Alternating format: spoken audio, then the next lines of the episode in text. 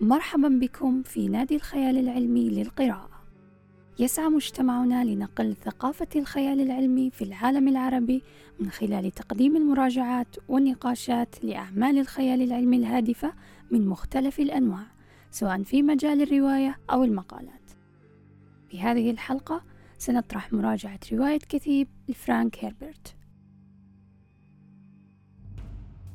البدايات تلك الأوقات التي تحتم على المرء أن يتحقق من صحة موازينه. إنها حقيقة تدركها كل أخوات بني جيزيرت. ولتباشر دراستك عن حياة المؤدب احرص أولا على أن تحدد زمانه. ولد في السنة السابعة والخمسين من حكم الإمبراطور الباديشي شادام الرابع. وكن حريصا أكثر وأنت تحدد مكانه.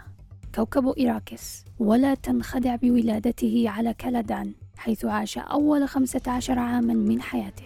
فإيراكس ذلك الكوكب الشهير باسم كثيب سيظل موطنه للأبد.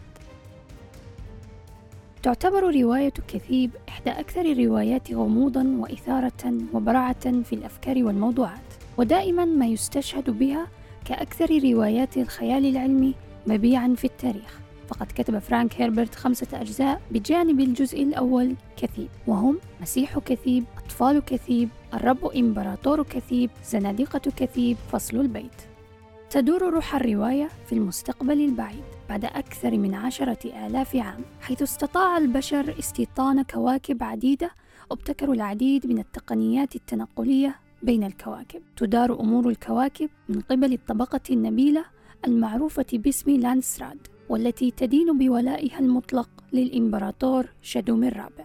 وتحكي لنا الرواية قصة عائلة أتريدس.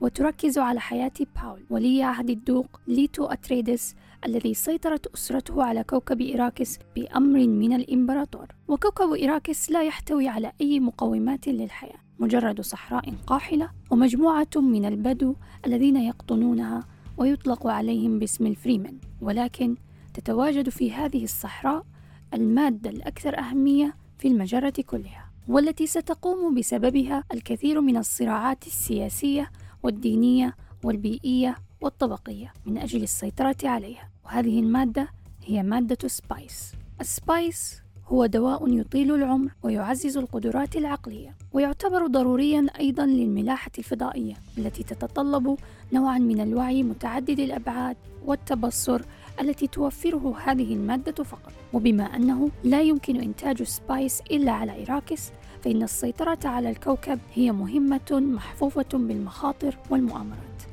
ولكنها مرغوبة لما فيها من العائد المادي الكبير. ما يميز هذه الرواية هو تماسك عالمها الكبير والشخصيات الكثيرة التي أبدع في كتابتها فرانك هيربرت وأعطى لكل منها حقه وكان لأغلبها دور مهم في سير الأحداث حتى بعد وفاتهم. كما أن الرواية تحتوي على العديد من الكلمات العربية ومصطلحات من الثقافة الإسلامية. فعلى سبيل المثال الفريمن أو كما يطلقون على أنفسهم بالبدو هذه الجماعة تمتلك كلمات وأسماء ذات أصل عربي مثل عرق، سوق، مؤدب، وعالية وأصول. كما أن لديهم بعض المصطلحات الموجودة في الثقافة الإسلامية والتي استخدمها الكاتب مثل الجهاد والحج والمهدي والفدائيين والفي وكان بعضها أو بالأصح الكثير منها في غير محله ولا تشير للمعنى الحقيقي وهذا ما أثار الجدل لدى البعض. ولكن كما ذكر نادر أسامة في مقدمة ترجمته للرواية أن هذا لا يعني عدم إلمام فرانك هربرت بالمعاني الأصلية في الرواية بل من الممكن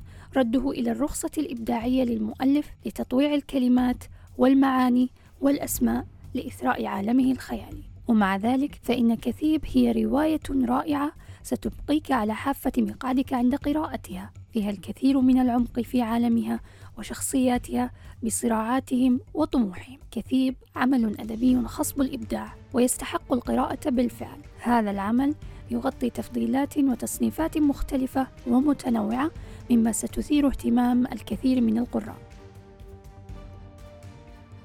أتمنى أن يكون محتوى هذه الحلقة قد أعجبكم. وإذا أردتم الاستزادة أكثر يمكنكم زيارة موقعنا مجتمع الخيال العلمي العربي حيث ستجدون الكثير من المقالات والمواضيع المفيدة والممتعة. كما يمكنكم الانضمام إلى مجتمعنا عن طريق متابعتنا في صفحتنا على تويتر مجتمع الخيال العلمي العربي عرب سايفاي ويمكنكم اقتراح مواضيع أخرى ومشاركة تعليقاتكم عن هذه الحلقة.